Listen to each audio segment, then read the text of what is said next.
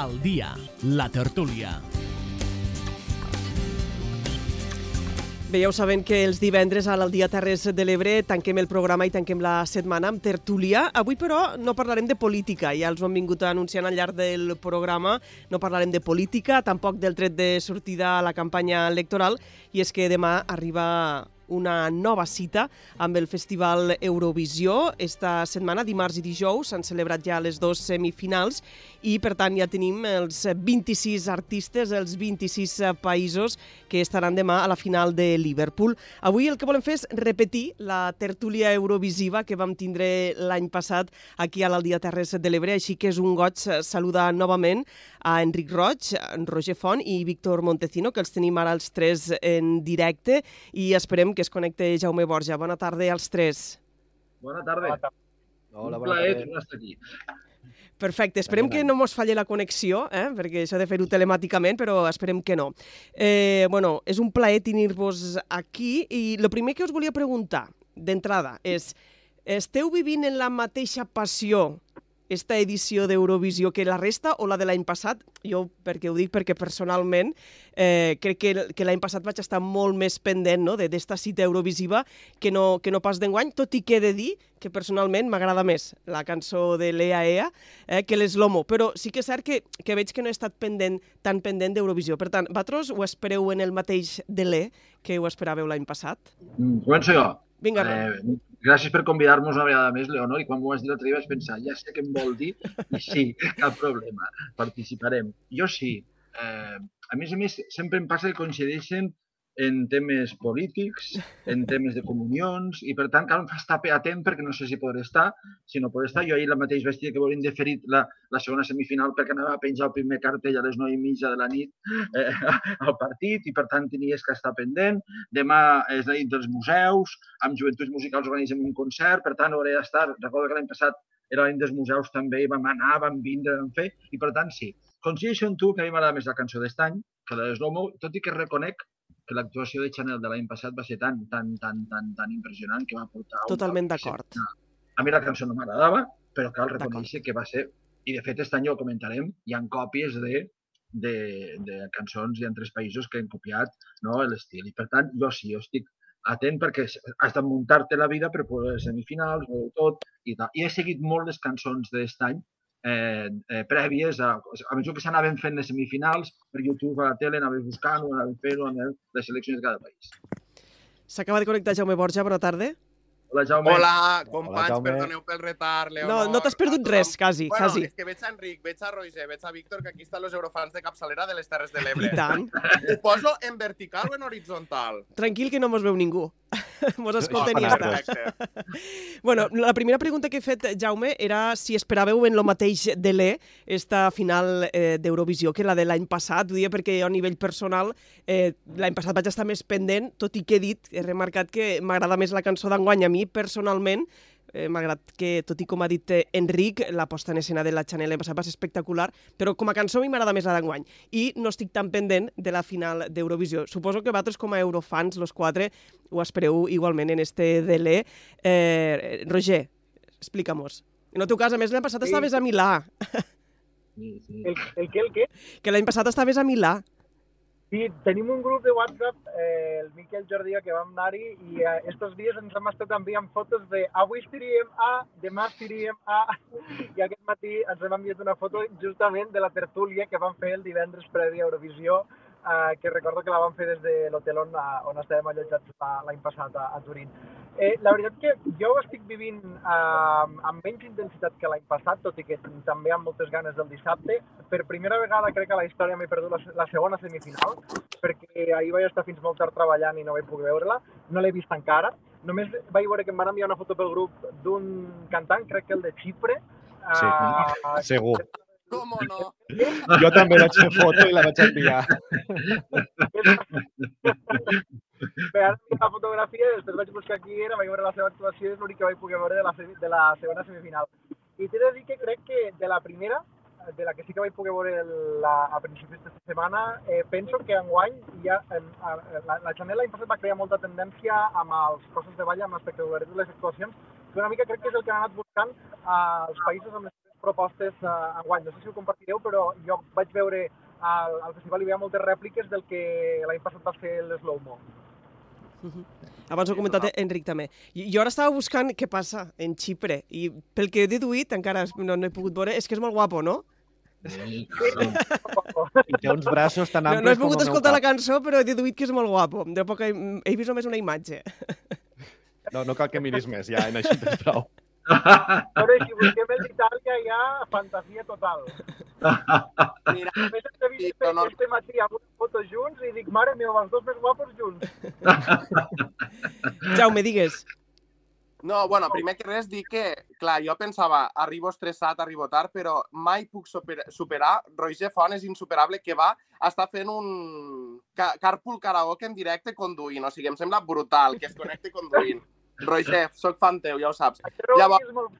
Eh, no a parlar d'aquest tema, però ja que heu dit eh, el representant de Xipre, el representant d'Itàlia, perdona, però no hi ha ningú com Marco Mengoni, que és com la versió oficial. Eh, el representant de Xipre és la versió d'Hacendado. O sigui, n'hi ha un Marco de tothom, perquè em sembla brutal d'este tio que arriba a Eurovisió per segona vegada i que mm, no vull fer cosificació tampoc, però sí que és veritat que és un tio espectacularment guapo per fora, però per dins té una veu una veu que molt poca gent té, és una veu amb carisma que t'atrapa i, per tant, l'actuació d'Itàlia, més enllà de com queda a la classificació final, per a mi és una molt bona cançó perquè recordem que surt de San Remo i els italians ho saben fer molt bé. Per tant, jo, entre un i l'altre, podria dir que per a mi no hi ha, no hi ha punt de comparació i respecte al que comentaves, Leonor, eh, de, de com han viscut no? la comparació entre l'any passat Chanel, enguany Blanca Paloma, jo he de donar gràcies a Blanca Paloma perquè ha servit, m'ha servit per a reconciliar-me en el Festival d'Eurovisió.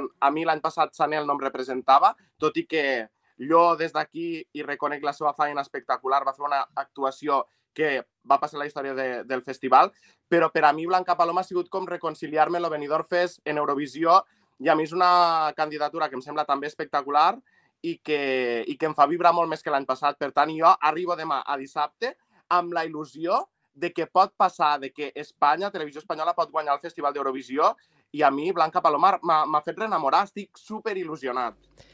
I, I ho veiem, eh? Després, ara parlarem eh, de les opcions que té Blanca Paloma i Espanya, però abans, Víctor, eh, tu com, com esperes esta nit de demà? Uh, jo estic en part una mica com Jaume per la part de l'any passat, no? Es- Este, podríem dir, mm, de, desencís que portàvem per portar a Chanel en lloc d'altres opcions que potser ens agradaven més, pues, eh, que va, va ser un jarro d'aigua freda, no? Enguany, jo no me sento tan identificat en l'estil de Blanca Paloma, m'agraden més altres altres opcions, tot i que admeto que és una bona proposta. El tema del flamenco 2.0 no sé com pot atraure al festival i al públic eurovisiu, però bueno, és algo que precisament veurem demà. I, i, però en aquest sentit, clar, jo sempre el tema de, de qui portem, per el general, m'ha donat bastant igual. Vull dir, jo sempre he recolzat els països en propostes que m'agradaven indistintament precisament del país.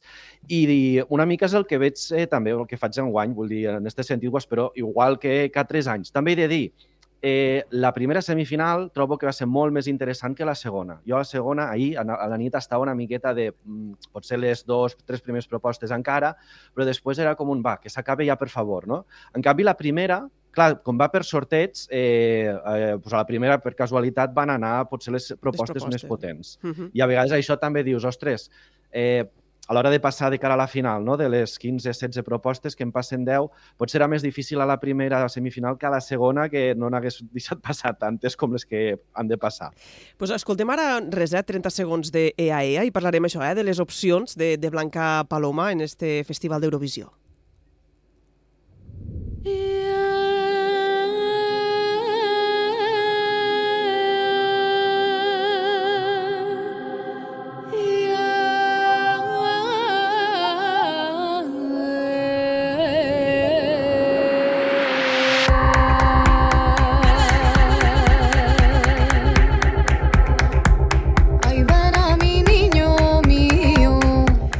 tant, una proposta flamenca, una posada en escena també espectacular. Jo diria que com a artista vocalment, eh, tot això que se sol dir, també no se li veuen fallos, eh, per dir així.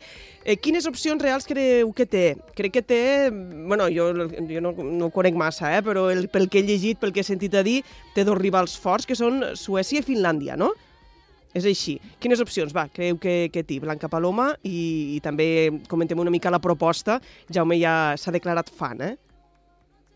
Jo, jo corroboro que diu Víctor, no? No sé, com ell ho dit molt bé, no? Lo de, lo de Flamenco 2.0, com pot eh, sentar a, a Europa, però en qualsevol cas, i és el que últimament s'està fent, quan hi ha una bona realització, quan hi ha un bon equip detrás, quan eh, Televisió Espanyola aposta l'any passat i altres anys com aquest any, no? per, per portar i posar tot allò que diu tota la carn a l'assador, les coses surten bé i com va passar l'any passat. No? Per tant, eh, diuen els experts que eh, eh, el jurat ho tindrà molt difícil. Eh, any hi ha 37 països, per tant són 444 punts multiplicat per 12 o 444 punts de, que donar, diguéssim, a, a les candidatures i, i tal, i per tant que el jurat ho tindrà difícil entre Suècia, Finlàndia, Espanya i alguns altres, no? Eh, per, sobretot per, per la gran realització, com tu has dit, per la gran eh, qualitat vocal, eh, per la posta en escena i tot, no? Segurament guanyar, mira, el Sobral estava a les apostes eh, dos dies abans, com està Blanca Paloma al sisè, i va passar del sisè no, al primer i va guanyar, no? Eh, per tant, possibilitats, vull dir, hi ha partit. Això sí, no estem allò a la cua, no estem fora dels 10 primers en quant a les apostes, tot i que l'actuació d'Israel, que a mi xica ballarà molt bé, impecable, tal, tal, però és una, una cançó que sembla molt còpia de Chanel de l'any passat. Ja s'ha vist també a televisió que quan tu vols anar, per exemple, l'any següent de Sobral eh, van portar eh, la proposta d'Alfred, no? eh, eh, tota una cançó molt, molt similar, no? molt melòdica, això Europa no ho vol. No vol les còpies de realitzacions guanyadors de l'any anterior, no? I per tant, l'aposta que per a mi té Blanca Paloma és que trenca no? en el que seria l'any passat, no? en el que seria una aposta eh, molt, molt d'un pop fortíssim, en un ball tal, i per tant és una aposta diferent. I potser pretendria pretendre que ha partit. Roger o Jaume, qui vulgueu. Víctor, vosaltres mateixos. Roger vol parlar. Sí, vinga. Tots volen parlar, l'altre que a vegades per, per la... Jo per ser servicials, no? M'estic contenint perquè a mi em treus Eurovisió i em torno loco, llavors penso, deixa espai als companys, per favor. Vinga, va, Roger. Doncs mira, jo penso, eh, quan Jaume ho sap, perquè a més sempre tenim la discussió cada any eh, de perquè tenim eh, gustos completament diferents i per mi la cançó que enguany m'hagués representat era la, la d'Agonei. Em, Blanca Paloma no em desagradava i estava dins de les, de les meves opcions, però en primera opció, en primera instància tenia la cançó Arde d'Agonei. Sí, és veritat que ens haguéssim equivocat en portar-la i per tant dono la raó a Jaume, a Jaume perquè justament, eh, Ho explicava ara, les cançons, la resta de, de cançons pràcticament són totes una rèplica del que podria ser Arde i del que va ser l'any passat Slow Mo, i l'originalitat crec que ens pot jugar molt a favor. Si és veritat, jo he estat mirant aquest matí, he escoltat també a la ràdio algunes cròniques i no he pogut mirar les cases d'apostes, encara no he tingut temps d'entrar a la web, però sí que he vist que es comentava que estava dins de les opcions eh, guanyadores. Uh, I he de dir que per mi, en aquest cas, uh, la proposta que es postula com a guanyadora, que és la de, la de Loren, no m'agrada gens i crec que a més a més a la semifinal no la va saber defensar com es mereixia la, la, la cançó que, que s'havia de defensar d'aquella manera. No? I, I el que he pogut veure de la realització de Blanca Paloma és brutal. Eh, hi ha un moment que m'encanta, que és el moment en què se li il·lumina la mà, en què pren tota la imaginació, que se li concentra tota la llum en una mà, en la, en la perfecció és brutal, és espectacular i, i crec que tant com la realització com la proposta que la fa única, especial i diferent a tota la resta del festival ens pot jugar la victòria. Vale. Eh, Víctor o Jaume? Eh, eh, sí, estic bastant d'acord en tema de la realització que fa molt i també ho deia una mica abans Enric, que al final el que compta és tota la proposta, no només la cançó, perquè si fos per la cançó, doncs mira, treus el CD o avui un dia a la llista de Spotify i ja està. Jo per això també intento, tot i que m'és complicat perquè a casa tinc un que és molt ànsies, de no escoltar res eh, fins que arriben ja les semifinals. De fet, si no fos perquè les semifinals a vegades eh, cauen cançons o propostes molt interessants, jo miraria directament la final. Llavors, eh, en este sentit, eh, ostres, mm, esperem, jo m'espero sí que hem vist tots la, la realització de, de les propostes que no han anat a les semifinals i a les finals, que són les del Big Five més l'anfitrió, entre cometes, ja que no és físicament anfitrió, a Ucraïna. I, eh, bueno, mm, s'ha vist potent. Recordo una entrevista que vaig veure de, de Blanca Paloma que deia alguna cosa que sí que, com fan molts, agafar la mateixa proposta que, que en la, gràcies a la que van guanyar, diguéssim, i que ella, a més, afegiria coses que en el seu moment al Benidorm Fest no va poder posar. No sé si entre elles això que diu Roger de, de la mà que s'il·lumina, no? que no es va veure, crec recordar, al Benidorm Fest i que aquí ha inclòs, i segurament és una d'aquestes novetats, perquè s'ha vist que l'escenografia, és, si fa no fa semblant, estos flecos rojos Sí, eh, mhm. a- al voltant de- d'ella, que Sí, sí. ja veurem com també els juga, si els juga diferent, o en aquest sentit, diguéssim, que mantindrà l'espectacle. I comentaves també al principi el tema dels preferits, no? l'Orin i la proposta fi, eh, de Finlàndia. He de dir que el de Finlàndia, jo quan vaig veure que va sortir tal, mm, no, no donava un duro. Però després de veure la de semifinal d'ahir, ostres, cançó peculiar, cançó diferent, barrejant molt bé, eh, per una banda l'estil Rammstein que tant li agrada, per altre un punt una mica friki, un moment que balla com a de costat fent el cranc. És, és molt interessant la forma que ho barreja i, i sap guanyar-se el públic en aquest sentit i això se valora molt positivament, també en contrapartida, partida, també el que deia Roger, Lorin és una cançó potent, és una mica la reina d'Eurovisió de, de, si va guanyar fa uns anys, pues, eh, crec que és de les cançons guanyadores que més ha transcendit en els últims mm, 15-20 anys, possiblement, perquè normalment se senten més cançons que han quedat en segona o tercera posició que no pas les guanyadores. En canvi, en Lorin, en l'eufòria, eh, se va sentir per tot arreu aquell estiu després. Eh, L'actuació que va fer el dilluns en este cas, sí, realment va ser una miqueta fluixa per al que podria ser. No sé si per a guardar-se per al eh, dissabte o eh, perquè, bueno, bé, al final fan tants assajos que potser també és complicat eh, agu- aguantar i mm, Lorin ja, té, ja comença a tindre una edat. Vull dir, si va guanyar fa uns anys, era més jove, tenia més energia i ara igual l'edat li pesa. Va, vinga, que Jaume es mossega la llengua fa rato. No, és, a, a, moltes coses, Enric, Roger i Víctor, que vull apuntar com tot el que heu dit, però em serà complicat perquè heu dit coses superinteressants. Eh, per exemple, ara deia Víctor, a vegades sonen més les cançons que no guanyen. Mira, i no cal quedar de... Tens tota la raó. I, i, i vull apuntar a Rosalín, d'Armènia de l'any passat, que no va quedar ni del top 5 ni del top 10, va quedar de les últimes i és una de les cançons que més ho peta a Radio Fórmula, ara mateix. O sigui, Not I want you, Where are you? Que la canto fatal, però per a que la ubiquéssim tots. O sigui, és una cançó que també es posa moltíssim als stories de totes les xarxes socials. Semifinal d'ahir, volia apuntar la del dijous a semifinal 2, que va ser soporífera, o sigui, tot el nivell, com també apuntaven aquí els companys, va estar a la semi-ur, que estaven tots els favorits, i em va fer una ràbia perquè dic, a la semifinal 2 del 2023, Andorra hagués passat, Andorra hagués passat perquè el Prat en baix, que bo que és. eh, De, depèn del que hagués portat també, però bueno, sí, és possible. és de les coses que Andorra en el seu moment, a la semifinal d'ahir, haguessin triomfat i haguessin anat a la final.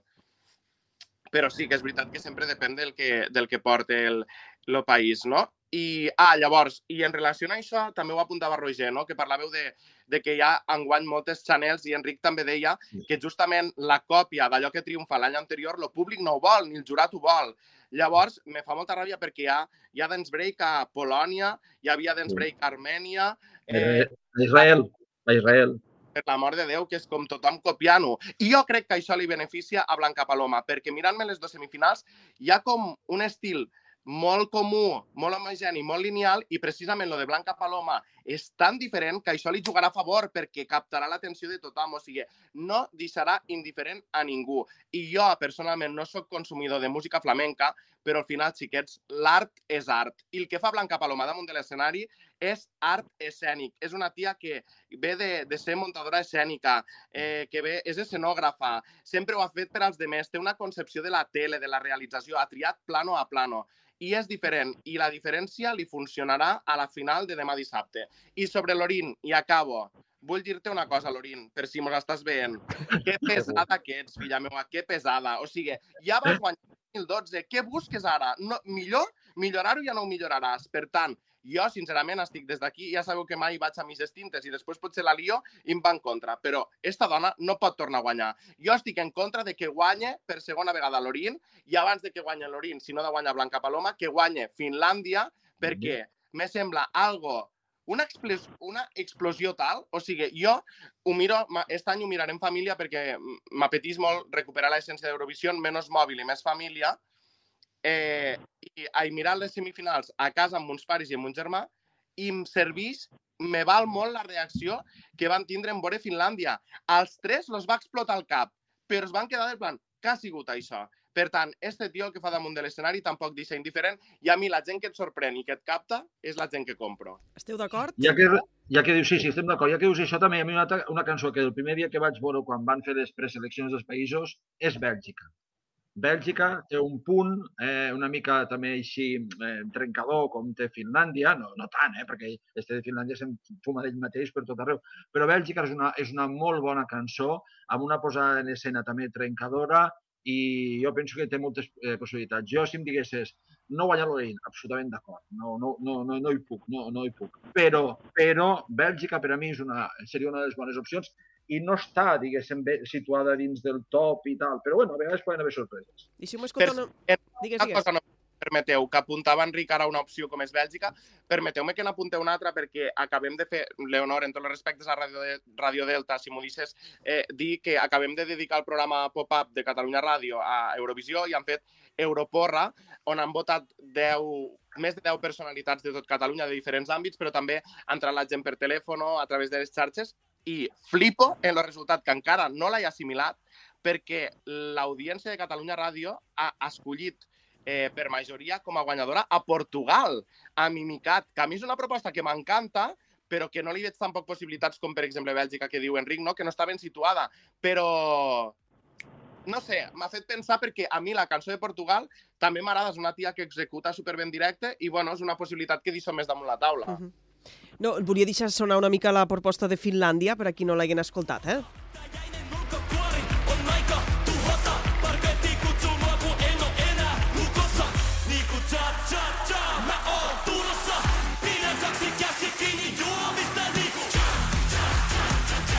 Bueno, els tinc aquí els quatre ballant, menys Roger, que està conduint. a veure, els tinc No, els quatre. Roger, no balles! Roger, no, que Roger, està... no balles molt, tu, eh? que està conduint. Eh, bueno, esteu parlant de diferents propostes que, que creu que se poden fer un lloc en esta final d'Eurovisió. I recordo l'any passat que Roger estava a, a Milà que hi va haver molts problemes en, en l'escenari, que era una gran estructura que no acabava de funcionar, però enguany pareix que a Liverpool tot va bé, no? O no? Eh, us agrada l'escenografia, el lloc, eh, com, com està anant tot? Bueno, Tampoc? jo- Bueno, no ho sé, jo... Dit, no sé. L'escenari d'Eurovisió d'enguany té unes línies negres a les pantalles LED, unes separacions que crec que no ens haurien de permetre en aquestes altures, perquè amb la tecnologia i la capacitat, a més a més, o la, a- la, la, la imatge que té la BBC a, a, a tot el món, crec que enguany no s'hagués hagut de permetre. Em perdonareu que hi ha moments que us perdo perquè vaig per la carretera, a més a més està plovent moltíssim aquí, i hi ha moments en què el soroll del, de l'aigua em fa perdre el so de la, Sí, sí, de fet ho sentim, eh, que està plovent. Eh, en la teva connexió quasi sentim més a l'aigua que, que a tu. Eh, què penseu, vosaltres, de, de, de, de l'escenari? És, Sí, el sí, que sí. diu Roger de, de les franges, perquè là són panels verticals que es giren. A una banda hi ha pantalla LED i a l'altra hi ha eh, llums, com teníem també l'any passat. I les separacions dels panells se veuen i a vegades me fan... Potser depèn de l'angle, perquè ha vegades que dona la sensació que no, però altres se veu la franja, la separació, i me fa desconnectar completament de l'actuació. I això crec que és una mica criminal. També s'ha de dir, eh, no sé si és pitjor que el que va passar l'any passat, que recordem que per culpa de la humitat que generaven les fontetes no podien girar com volien aquell semicercle de, de fons i entre una cosa i l'altra, pues, bueno, aquí per lo menos giren. No, jo, jo no n'entenc gaire, això, els experts, però que sí que és cert és que es queixaven una mica que la realització no era del tot adequada per al ser la BBC, perquè havien enviat segones figures de la realització, donat que tothom estava pendent de la coronació de Carles III i que, per tant, tots els assajos previs i tota la realització estava en mans doncs, no de primers espases com mereixeria el festival, però, clar, una cosa era en dissabte, l'altra cosa començava el dimarts i els assajos ja feia una setmana que anaven. No? I en aquest sentit sí que hi havia queixes per part de diversos països de que la realització no era del tot eh, a l'altura del que la BBC podia, podia oferir. Em, Leonor, jo he dit que l'Orin és molt pesada, però ja veus que els eurofans tampoc mos quedem curts i m'incloc primer de la llista perquè estem al quite de tots. De Som tot, de tot, he al·lucinat, he al·lucinat.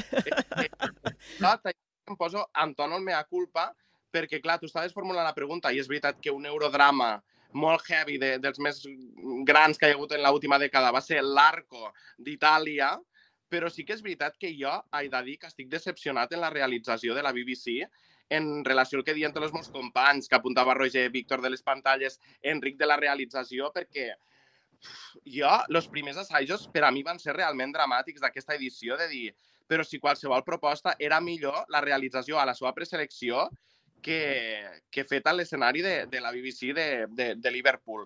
I t'he de dir una cosa, i em sap molt de mal perquè jo estic a tope en Blanca Paloma, però a mi, ara que ja s'ha publicat l'assaig de la segona semifinal que va fer Blanca Paloma, els 3 minuts de cançó, els 3 minuts de realització, m'agradava més la realització del Benidorm Fest que la que li fa la BBC. Lo bo és que la realització del Benidorm Fest només l'han vist a Espanya, vull dir, la resta d'Europa no ha vist, el gran públic no ha vist la realització del Benidorm Fest i, per tant, només veuran la toma única de demà. Però la BBC, que per a mi era com Dios referente, m'està decepcionant. Però la realització va també una mica a càrrec de la... O sigui, els, els hi donen una mica la pauta, no? Perquè moltes vegades la realització, igual que la posada en escena, és exactament la mateixa. No, però un moment, te vaig a dir una cosa. Per exemple, Blanca Paloma està demanant un plano cenital que li podien fer Benidorm i que no li poden fer Liverpool. I és com, perdona, com que no pots fer el plano cenital? Espavilemos. Bueno, Sí, perdoneu. clar, jo le- no L'escenari potser no és el mateix, si és més farragós, hi ha focus pel mig, potser no et permet, no ho sé. eh? Però, vamos, que jo em pensava que Jo crec que les ja fer tot. I no. Digues, Roger. Roger, Dic, no, no, que dic que, que perquè estic en això amb, amb el Jaume perquè penso, a més a més, que, que crec que un escenari d'Eurovisió, quan es pensa, qui pensa la, la televisió host, la televisió que acull l'Eurovisió aquell any, ha de pensar en totes les possibilitats i al final no ha de tancar amb... Ostres, no, no poder fer un plano cenital com el que està demanant, que a més a més hi ha dues actuacions que requereixen i no poden fer o no s'acaba d'aconseguir com es voldria, crec que és molt greu, no?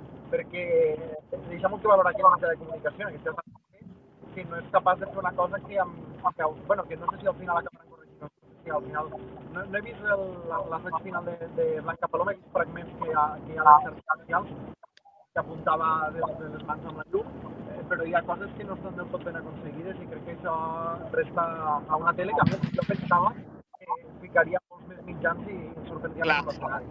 no, només una cosa ràpida. Eh, no nos hemos visto en otra. Aprofito per a posar en valor lo, te, lo treball de Radio Televisió Espanyola, que ho deia abans Enric, portem dos anys de somni total, que jo sembla que estiguem somiant en una preselecció superdigna com és el Benidorm Fest, i qui mos havia de dir, fa 10 anys, Enric, Víctor i Roger, que Televisió Espanyola podria fer un plano que no pot fer la UER, l'organitzador del festival. O sigui, és que jo estic flipant també, per això aprofito per a dir bravo Televisió Espanyola.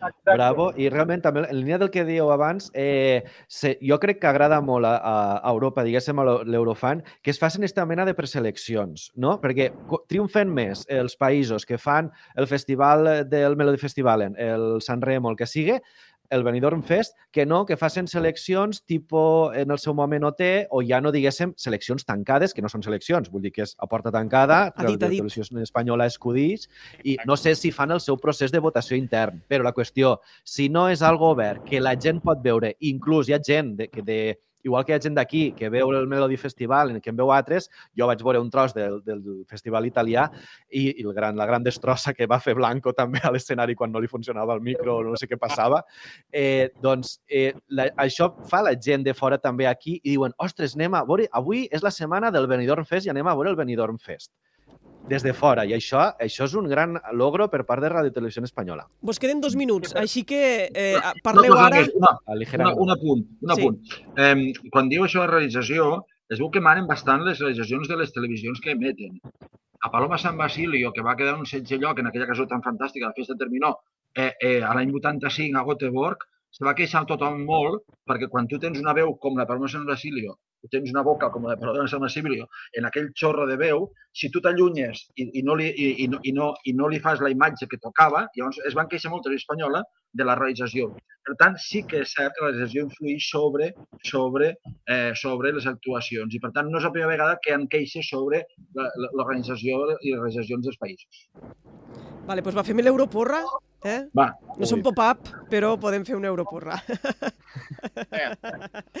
Vinga, eh, això, vosaltres eh, apostes, eh, 1, 2, 3 eh, o top 5, va, vinga. Teniu 30 segons cadascú. Jaume. Jo dic, jo dic França, França pot guanyar, eh? jo Bèlgica, Espanya, Suècia i Finlàndia. Dic Ja això. són més de tres. És igual, però sí. Top fight, top fight, va. Top I 5. segurament, i segurament eh, Suècia mm, passarà com l'any passat, que tothom sabia que guanyaria Ucraïna, no? i va guanyar Ucraïna malauradament, no? perquè eh, si no s'ha guanyat Ucraïna ha passat Espanya perquè els vots ja s'han anat de partits diferents i no s'ha guanyat per 7 punts, 7 punts només eh, eh, este Regne Unit. Però jo penso que Blanca Paloma pot quedar en un tercer lloc, quart lloc molt bo. Eh? I per a mi França és una molt bona cançó, molt bona. Vinga, qui és el següent? Víctor.